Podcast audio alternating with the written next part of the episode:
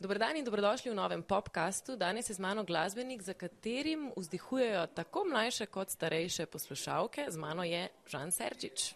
Draga Katja, hvala za tako lepo napoved. Hvala. Zdravo vsi, ki to poslušate, gledate. Kako si, Žan?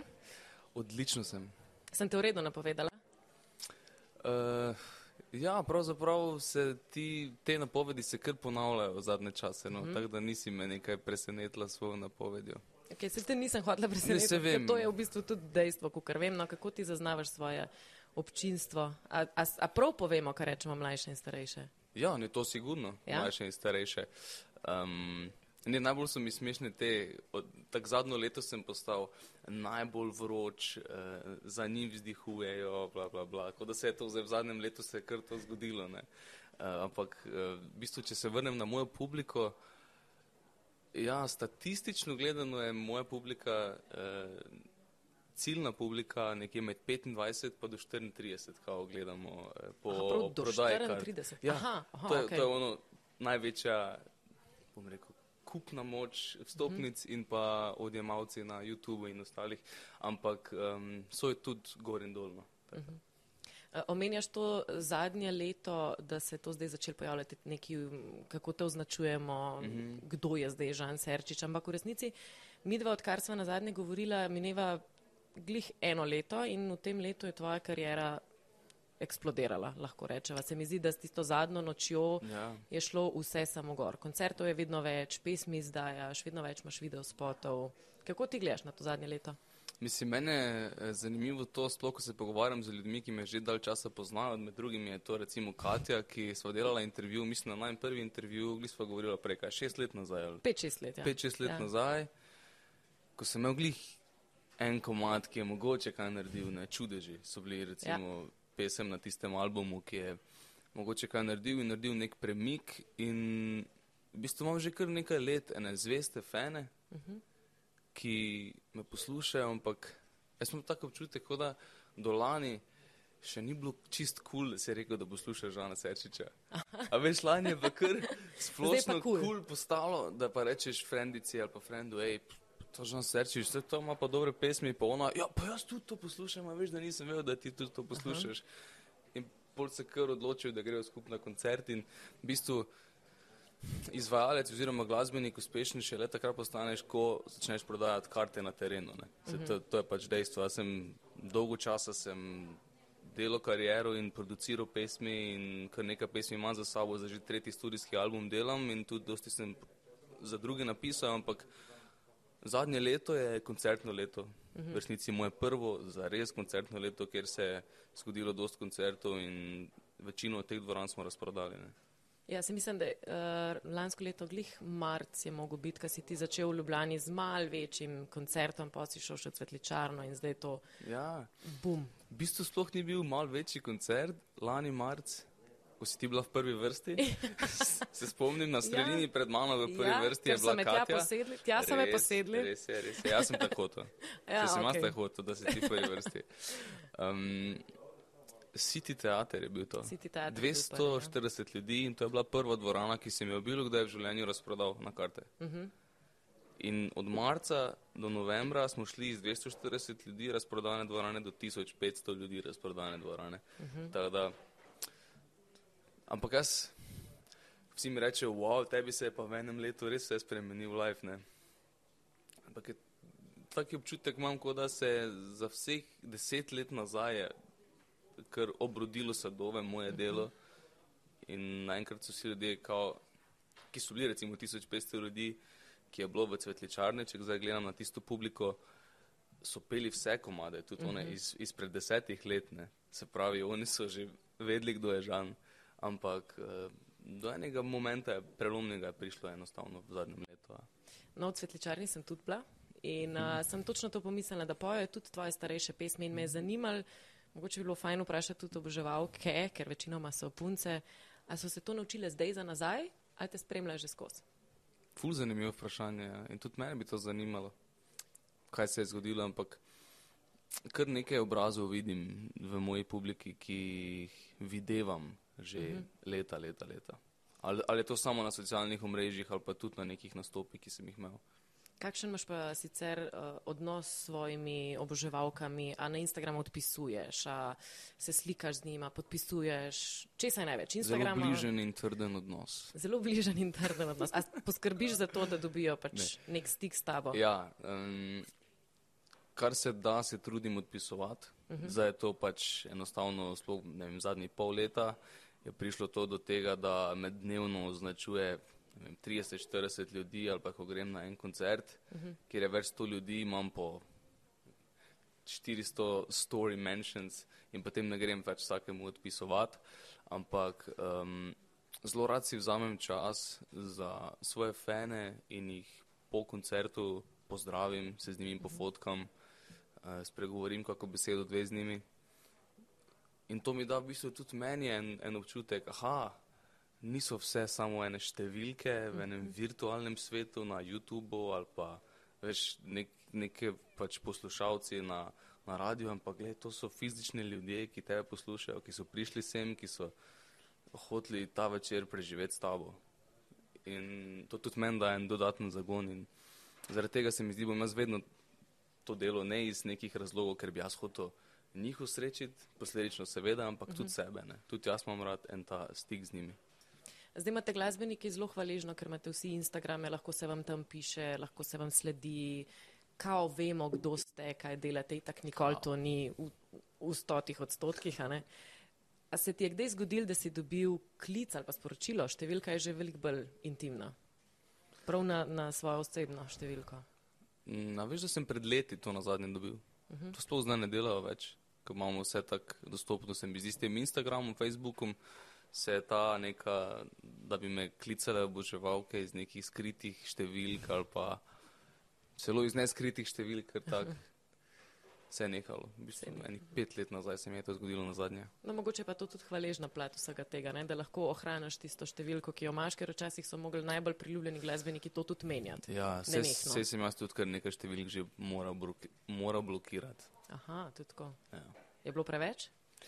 Iz ene in iste številke? Ja, ali so neki klici neznani uletavali iz ene mhm. številke in potem se pač tisto številko blokira.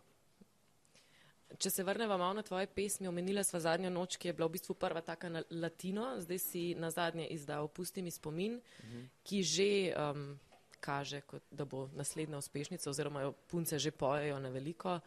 Ne samo punce, Katja, tudi. Ful je punc, Žan, no? Tle se ne moramo slepo mišiti, da ni, ampak, ampak ok, oboževalci. Ohraniti oboževalci okay. besedo. Okay. Uh, a mi poveš, o čem govori pesem? Povem z veseljem.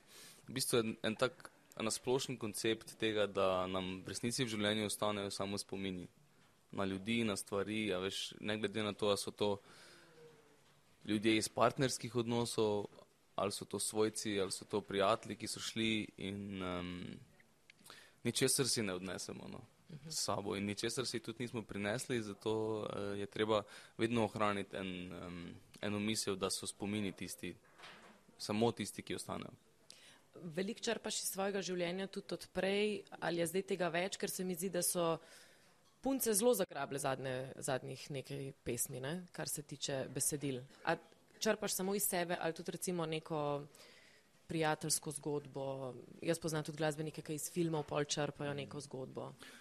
Veš, da sem zmeraj črpal iz svojega življenja. Vsaj uh -huh. meni ali pa v, nekem momentu se mi je moralo to zgoditi in sem jaz moral to občutiti, da sem lahko o tem pisal. Uh -huh. Ampak se mi zdi od zadnje noč naprej, zadnja noč je bila prva, ki je bila totalno brez filtra, totalno odkrita in totalno sem dal sebe na pladen in uh, takrat sem prvič začutil, tudi ko sem to napisal, da ko sem prebral tekst, me je stisnilo. Sem bil, oh, hočem toliko sebe dati nekim neznanim ljudem, da, potem zvejo toliko meni in koliko podvprašanj se bo jim pojavilo, o, oh, wow, aha, zadnje noč, kaj se je pa zgodilo. Ne? In točno to se je potem zgodilo. Ampak um, se mi je zdelo tudi, tudi ena, na en način naša dožnost, ne, izvajalcev in pa umetnikov na splošno. In če gledaš po zgodovini, vedno so bili najboljši umetniki tisti, ki so si upali dlje in so upali o teh čustvih govoriti, ker lahko potem ljudje, ki recimo nimajo tega daru, ne, pač jaz sem se rodil z nekim talentom tega, da pač pišem in sem to razvijal. In zdaj lahko nek človek, ki nima tega talenta, reče, ja, točno tako se jaz počutim. Uh -huh. Pa nisem znal tega napisati ali pa povedati ali pa obesediti. In njemu zdaj ta pesem pomaga ne, skozi, neke, skozi neko obdobje, ki ga ima v življenju. V bistvu, da se poslušalci s tem, ko se ti razgališ, poistovetijo s svojo zgodbo. Ja. Zelo lepo. Uh, si, pa, si pa zdaj tudi zapadel v te neke zelo latino ritme. Hm. Odkot navdih? Zakaj je ta prelomnica, pr, zadnji noči se mi zdi. Tako veš, Justin Timberlake recimo ima prvi album zelo R&B, drugi mm. album uh, spet drugačnega. On prav je znan po temu. Pri tebi se je zgodila tudi ta prelomnica. Mm. Odkje ljubezen do latino ritmov? Jaz mislim, da ljubezen do latino glasbe je vedno bila, zato ker mislim, najbolj me je nadušila za njo moja sestra, 8 let starejša, ki je mm -hmm. Juanesa recimo poslušala, že ko sem bil star 8 let, 9 let in meni je vedno ta melodika bila zelo, zelo, zelo všeč uh mhm. -huh. in ritem in nekaj, kar, je, kar sem, bom rekel, vedno razumel, ampak nisem poznal tega v mojo glasbo oziroma v moj stil upeljati, ker se mi zdi, da za latino glasbo moraš vseeno dozoreti, uh mhm. -huh. da potem jo lahko izvajaš in da tudi znaš eno strast preslikati v svoje komade in um, Najbolj se mi zdi, je prišlo do momenta, ko sem, sem recimo vzljubil klasično kitaro in uh mhm. -huh. to je prva kitara, na katero sem jaz začel igrati in se učiti. In potem sem kar za nekaj let pozabil na njo. Ne. Sem igral akustično, električno kitaro in ko sem spet klasično kitaro po pol letih prijel v roke in na njo napisal zadnjo noč, je bilo, wow, to se tako tako primarno se mi zdi, tako sem se lahko začel izražati z njo in od takrat naprej recimo na vseh koncertih klasično kitaro igram. Aha. In ker je to en, nek moj podpis, da je postal. In se mi zdi, da je to ena era Žana Serčiča, uh -huh. ni pa nujno, da bom zmeraj ostal v tem stilu. Ne. No, to me je zanimalo. Ostajamo v latinskih ali ne vemo, kam gremo? Uh, za ta album sigurno ostajamo. Aha. Kdaj pa bo album? Album pa jeseni. Okay. Torej, punce pričakujemo nove latino pesmi, nove koncerte. Tako, punce in fante. Punce in fante, oprosti. Kako pa si uh, pri latino ritmih pa še zraven uh, tudi ples? Kako pa mm. je tvoj boki? Odvisno, koliko spijem. ne, drugače, mislim, da imam ritem, ja. ampak ne bi pa se dal v profesionalnega plesalca, se sigurno ne bi kategoriziral. Ne. Z, z latino ritmi si omenil, tudi sam pride strast, koliko si strasten ti v življenju, pri poslu, v osebnem življenju? Zelo strasten. Zelo tip. strasten. Mm. Jaz mislim, da to je dobra in slaba lastnost. No. Mar si kdaj lahko plašiš nekoga s tem, uh mhm. -huh. Ker niso navajeni, niso mogoče še prej občutili tega, ampak uh, nekako se mi je zdelo, da vedno moraš izražati iskreno sebe in potem se bojite krok ljudi, ustvaril okrog tebe, ki je pravi, ki to sprejema. Ne? Tisti, ki niso, bo itek šli slejko prej. Jaz sem se skozi leta ne naučil to blokirati, ampak še bolj strastno enostavno uh, ostati in to izražati, ampak mogoče izražati na en drug način. Uh. -huh. ne, prej sem bil, jaz sem pač big tudi in sem trmast in sem zelo straightforward, zdaj sem malo bolj znam v povojih eno stvar povedati, pa čeprav je ista stvar. Ne govoriš o izražanju samega sebe, izražaš sam sebe tudi v svojih besedilih, kaj pa mm. v mhm. videospotu? Ali si v videospotu ti ti, je to žan ali tudi kaj igraš? V zadnjem videospotu sem čist jaz, jaz. Ja. Uh mhm. -huh. Glede na to, da smo posneli videospot v Španiji na petih lokacijah, pet outfitov in jaz pojem komat, to je to. Uh mhm. -huh. Ničesar nisem zafejkal ali pa rabo igrati. Uh -huh. Ampak um, sem pa se v igralskih vodah že preizkusil v prejšnjih videospotih. Ja. Uh -huh. Najbolj oziroma največja, največji izziv je bil videospot najme vzame, uh -huh. ko je tudi uh, iz tega, bom rekel, produkcijskega vidika bil največji zalogaj. No.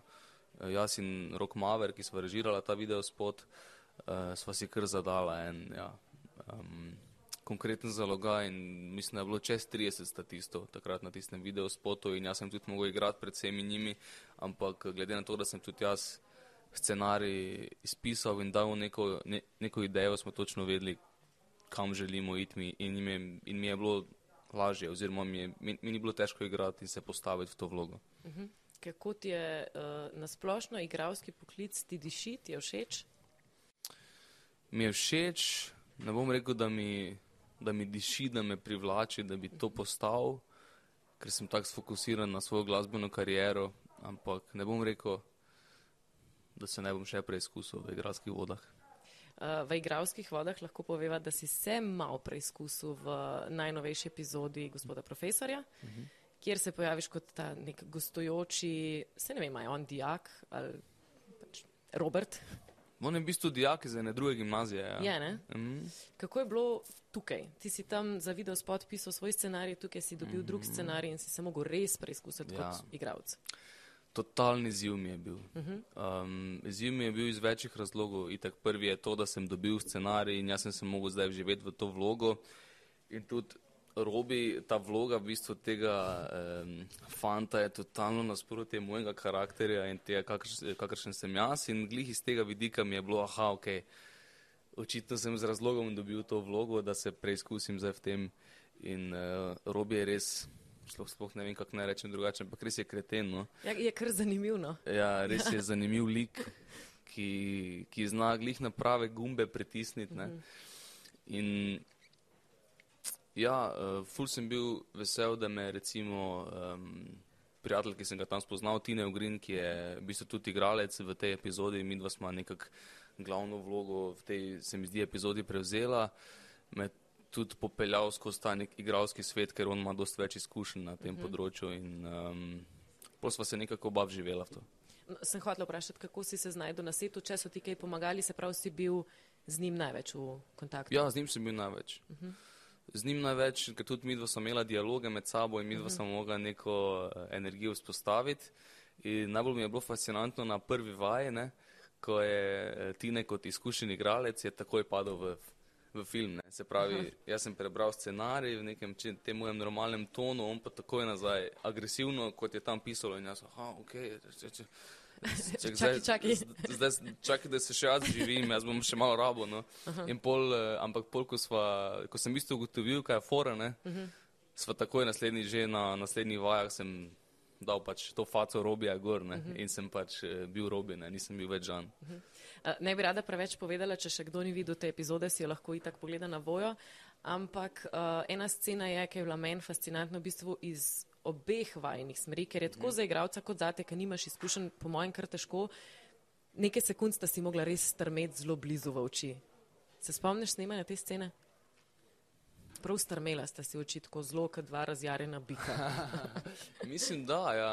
Uh, enih, v bistvu, mi smo skozi imeli te kontakte z očmi in fora je bila samo to, da v sekundi, ko smo nehali, ko je bil kat, uh. -huh. smo se začela res režati, smo brukli smeh in smo se potrepljala po rami. No. Je bilo težko?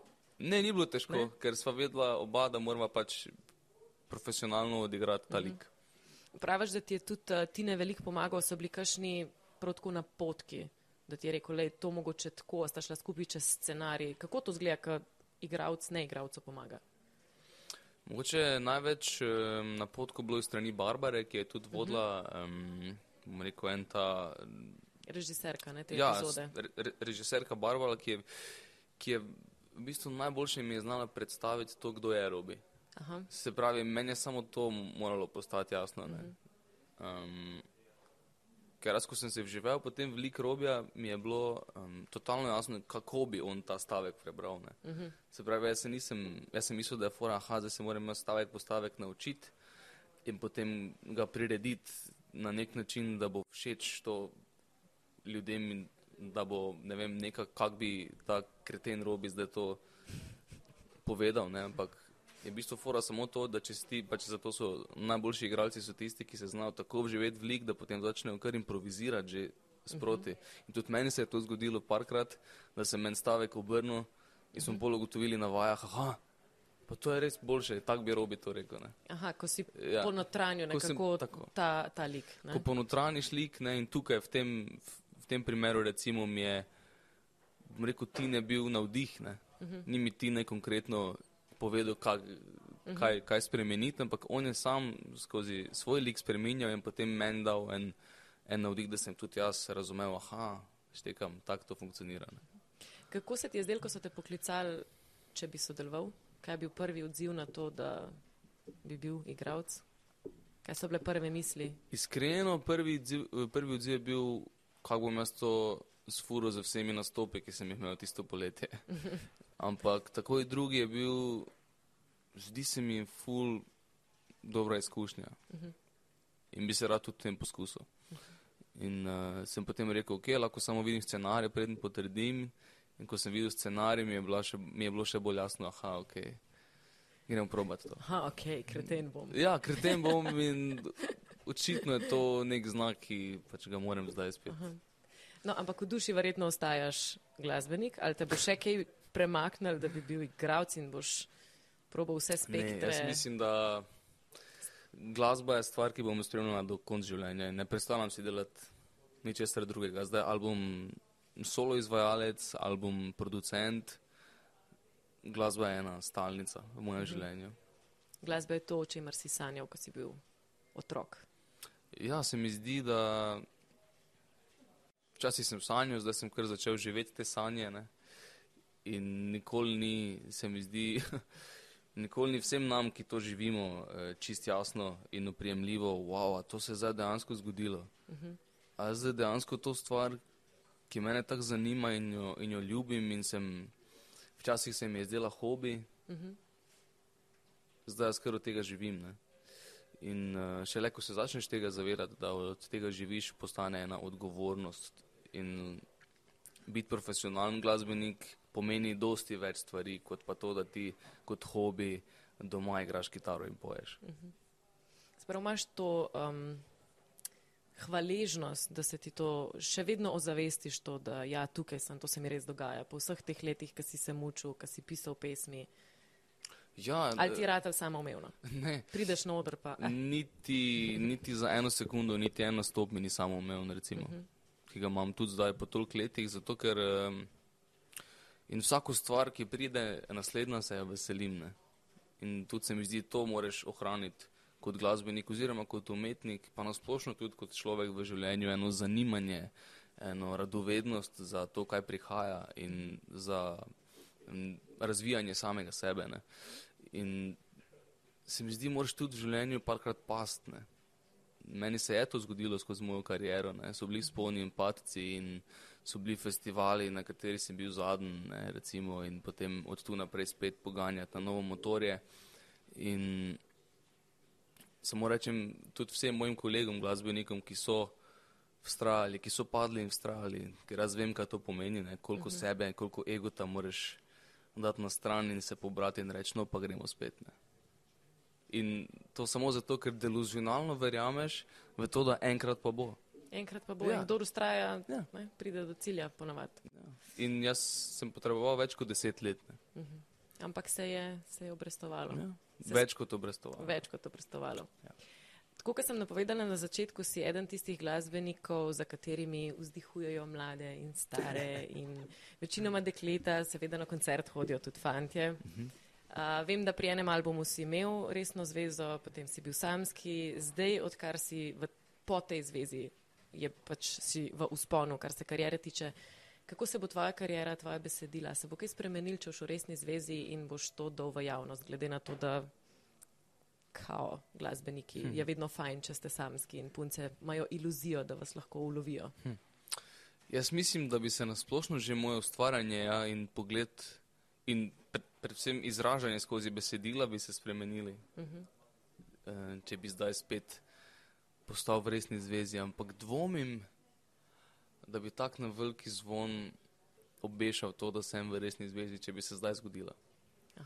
Ne, ne vem, če bi šel še enkrat skozi to. No, ker ja, hodila sem reči, pri tej prvi zvezi smo vse videli na Instagramu, punco ja. si gostil v videospotu. Mm -hmm. Ja, in potem tudi, ko se ti javno to zgodi, da greš čez razhod, mm -hmm. um, se ti zdi tako spet, kot da se razgali en del tebe, ko je čisto osebni se ti zdi, zakaj vas to zanima?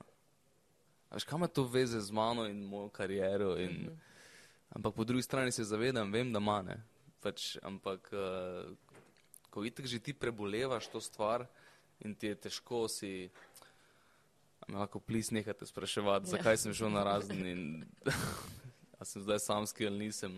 Ja, mislim, to je tudi malo rakrana tega, da imamo Instagram, da se tam objavlja vedno Valda. več stvari ker čutiš neko potrebo, da objaviš. In je bilo verjetno tako prej, zdaj si občutil, oziroma čutiš, da ti do tega ni. In, ja. Seveda, mislim, uh, moraš najprej probati, da veš, uh -huh. kak je in se potem iz tega tudi naučiš nekaj. Uh -huh. Ampak, ja, glede na to, kako si sama omenila, vzpon karijere in to, uh, kaj se mi dogaja v mojem osebnem in profesionalnem življenju, si težko predstavljam zdaj eno resno zvezo furati, vsaj za nekaj časa. Sploh javno. Ja, sploh pa javno. Ja. Sploh javno. Ker potem je pod. Uh, pod drobnogledom ne samo jaz, ampak tudi punca, s katero sem. Uh mhm. -huh.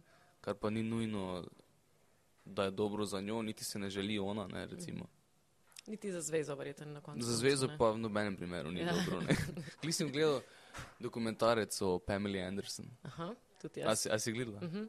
Veš, kaj se lahko zgodi, ko si podrobno gledal. Meni je bilo tako fascinantno, včasih so vsako malo malenkost so mediji izvedli tako in ni mi bilo jasno, da so to načrtno delali, ti celebriti takrat, a so to založbe od. Eh, Ali, jaz mislim, da je vsega pomalo. Ja, vsega pomalo je bilo, ampak uh, lih to sem hotela reči, tako kdo kdaj kaj fotka s kakšno punco, dobivaš kakšne oznake, da je bil sto, v kakšni reviji se pojaviš, Žan Sertič, uh, skrivnostno ne vem kom. E, glih sem bil, a si to ti dal ta članek? No, si, a si se to zdaj izdal? Ne, ne. sem prejšnji, teden bil, prejšnji teden sem bil v eni reviji, Žan Serčič, se skrivnostno lepotico v savni. O, oh, wow, v savno so te šli gledati. Enkrat grem v savno. se svojo frendico in potem se to zgodi. Ne? Aha. Torej, torej te spremljajo, te gledajo. Ja, očitno, jaz nisem vedel, da me, ampak. Aha. Ne vem, mogoče je glih ena urednica bila takrat. Uh mhm. -huh ali pa novinarka v isti savni se je to zgodilo in prišlo ven. No. No, nisem bila jaz. Jaz sem slučajno imela zdaj lucky guess, mi je glih ratal, nisem bila jaz. To je vedno bolj sumljivo. Ne, ni. Uh, te pa spremljamo zdaj že, koliko let je, odkar, smo, odkar te Slovenija spoznala? Mislim, da 2011 Slovenija ima talent. Ja, 12, 12 let. Star si bil pa, veliko več, kot si izgledal. Ja, definitivno. E, star sem bil 16. 16. Mm. In takrat nisi sanjal samo, da bi bil glasbenik, ampak tudi, da bi bil. Kaj sem pa sanjal še? Da veš, tiste vodka. Oh, to so se mediji no, res naredili. Poslušalci je zavil je začmi. ja, ne. Um, Malo si sanjal tudi o, o bodybuildanju, če se prav spomnim. Bil, bil, je, bil je zraven mene strongman. Ja. Je en stav zraven mene ja. in res je zgledal ne vem, 150 kg in samo uh -huh. mišica. In potem sem jaz s svojimi 50 kg stal zraven njega in ga občudoval, in njegova cela roka je bila za enega mene.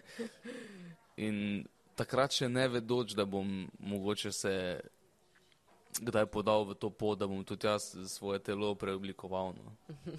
In se razgalil v javnosti tako in drugače. Sigurno, mislim, takrat sem že vedel, da je glasba nekaj, kar želim početi. Uh, nisem pa vedel, kaj vse bo to zahtevalo od mene. Ne? Ja, jaz mislim, da so punce kar vesele, da si se odločil, na, zdaj aj bil strongman kriv ali ne, preoblikovati svoje telo, žan. jaz tudi mislim, da ni imel kaj dost proti. Ni imel kaj dost. Ne. Ne, ne, mislim, da ne. Žan, hvala, da si bil danes z mano. A smo že konec? Ja, pa še kaj zapovedati. Tako hitro je minilo. Ja, sva si imela veliko zapovedati. Kaj pa vem? Kaj bi še povedal?